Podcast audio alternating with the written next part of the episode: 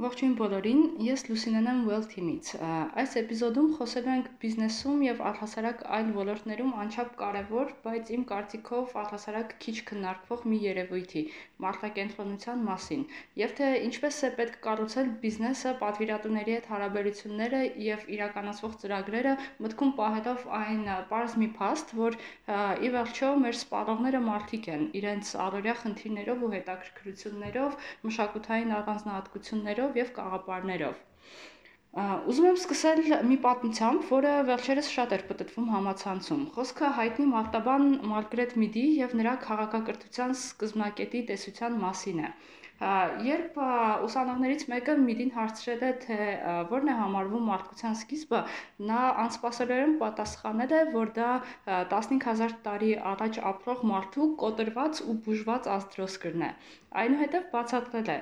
որ այն ժամանակ կենթանական աշխարհում նման վնասվածքը համարվել է ուղակի մա։ Ակնհայտ է, որ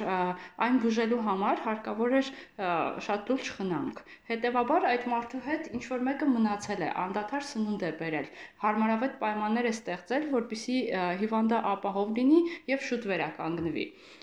Սա պարզ ապացույց է այն բանի, որ սեփական կաշին փրկելու փոխարեն մարդը օգնել է ուրիշին, իսկ ավելի պարզ ասած, կարեկցանք է ցուցաբերել։ Այս պատմությունը պատմեցի, որ առաջ բերեմ կարեկցանկը կամ ինչպես հիմա ավելի շատ են օգտագործում էմպաթիան որպես կիրառական մի կատեգորիա։ Եթե խոսում ենք գործընթացների, համակարգերի, ծրագրերի ու առհասարակ ամեն ինչի մարդակենտրոնության մասին, պետք է հասկանալ, որ դրա հիմքում ընկած է էմպաթիան, որը բացատրվում է որպես ուրիշի ապրումները ու իրավիճակը հասկանալու, պատկերացնելու ունակություն, կամ ինչպես հայերս ենք սիրում ասել, ուրիշի կոշիկներում քայլելու ունակություն։ Փորձեմ մի քանի օրինակ բերել խնդիրներին մարտակենտրոն մոտեցումներով առաջարկված լուծումների, որpիսի ավելի པարզ լինի, թե ինչի մասին եմ խոսում եւ ինչու եմ այսքան շատ կարեւորում այս հանգամանքը։ Սկսեմ շատ པարզ մի բանից։ Ժամանակակից քաղաքային պլանավորումը պարտադրում է շենքերը, մայթերը, անցումները ու առհասարակ քաղաքը հասանելի դարձնել բոլորի համար։ Դրա համար մայթերը ու շենքերի մուտքերը անպայման պետք է հարմարեցված լինեն թեքարտակներով ու դրանք մենք շատ ենք տեսնում թե եվրոպական քաղաքներում ու թե նաև Երևանում, բայց մի բան է սրա մասին խոսել, սա ասել, մեկ ուրիշ բան է իսկապես կիրառվող ու ճիշտ թեքահարտակներ կառուցելը։ Մեր քաղաքի օրինակով կարող եմ ասել, որ գրեթե բոլորս էլ հանդիպել ենք այնպիսի թեքահարտակների, որոնք ոչ թե խնդիր են լուծում, այլ կարող են մարդկանց վնասել։ Շատ մեծ թեքման անկյուն ունեն, 45+ աստիճան, երբ որ սահմանվածը ընդամենը 10 աստիճան է։ Իսկ սա նշանակում է մենակ մի բան, որ խնդրի լուծմանը էմպաթիկ մոտեցում առհասարակ չի ցուցաբերվել։ Նախագծելիս հաշվի չեն առնվել օրինակ հենաշարժողական խնդիրներով կամ մանկասայրակներով կամ հեծանիվներով մարդկանց բազային կարիքները։ Մեկ ուրիշ օրինակ, բոլորս ամեն օր ատամի խոզանակով լվանում ենք մեր ատամները ու խոզանակները դե բացառությամբ որոշ հատուկ տեսակների խոզանակների հիմնականում այսպես նույն կառուցվածքը ունեն, նույն չափերը, նույն այսպես նախագծման տեսակը ու այդ խոզանակները մեզ շատ հարմար են ու ամեն օր կիրառվում են։ Բայց այդ ստանդարտ խոզանակները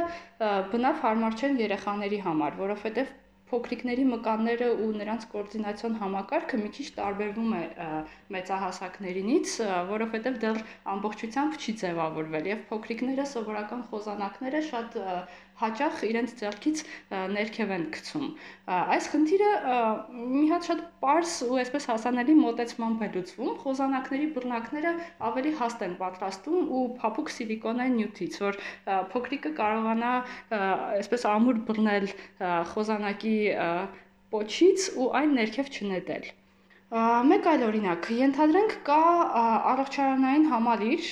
նախատեսված տարիքով համեմատաբար մեծ մարդկանց համար եւ հարկավոր է ստեղծել այդ համալիրի համար վեբ կայք, որը կլինի այս պարագայում մարտակենտրոն մոտեցումը։ Մարտակենտրոն մոտեցումը այս դեպքում կլինի հետևյալը՝ ունենալ մենյուների քիչ քանակ, հնարավորինս པարզ կառուցվածք, ոչ խայտաբղետ գույներ, Ինչու՞ չէ, նաև ստանդարտից մի փոքր ավելի մեծ տառաչափով գրված տեքստեր ու պարտադիր քլիքերի մաքսիմալ քիչ քանակություն, որpիսի մեր տատիկ-պապիկները հեշտ կողմնորոշվեն կայքում եւ գտնեն անհրաժեշտ տեղեկատվությունը։ Եվս մեկ օրինակ PR գովազդային դաշտից մեր թիմի սիրելի Ogilvy ընկերությունից։ Գովազդային արշավ, որը իրականացվել էր IBM ընկերության համար եւ որը կոչվում էր Smart Ideas for Smarter Cities։ Ամբողջ արշավը արտաքին գովազդային բանյալների շարք էր Փարիզի փողոցներում ամրացված, բայց յուրաքանչյուր բանյալ ուներ լրացուցիչ մի նշանակություն։ Օրինակ կային բանյալներ, որոնք տրանսֆորմացված էին որպես թեքահարտակներ։ Կային, որ ստացել էին,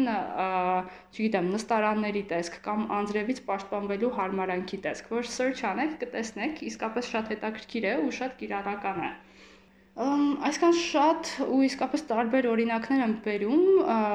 մենակ մի նպատակով՝ ապացուցելու համար, որ մարդակենտրոնությունը որևէ ոլորտով կամ գործունեության տեսակով չի սահմանափակվում։ Սա ունիվերսալ մոտեցում է, իսկ ավելի ճիշտ մտածողության տեսակ։ Ու այս մոտեցումը առավել քան կիրառելի է ու ես կասեի անգամ պարտադիր մեր ոլորտում, PR-ում։ Մեր թիմի ու մեր ընկերության օրինակով կարող եմ ասել, որ մարտակենտրոն մոտեցումները մեզ համար կոպիտ ասած, այսպես default setting-ներ են, ոչ միայն ծրագրեր իրականացնելիս, այլ նաև մեր թիմի ներսում ու պատվիրատուների հետ հարաբերություններում չեմ կարող ասել, որ շատ ջանքեր ենք ծախսում այս մոտեցումը ապահովելու համար, բայց կարող եմ ասել, որ սկզբում այս ամեն ինչը մի քիչ ժամանակատար է, որովհետև պետք է ամեն անգամ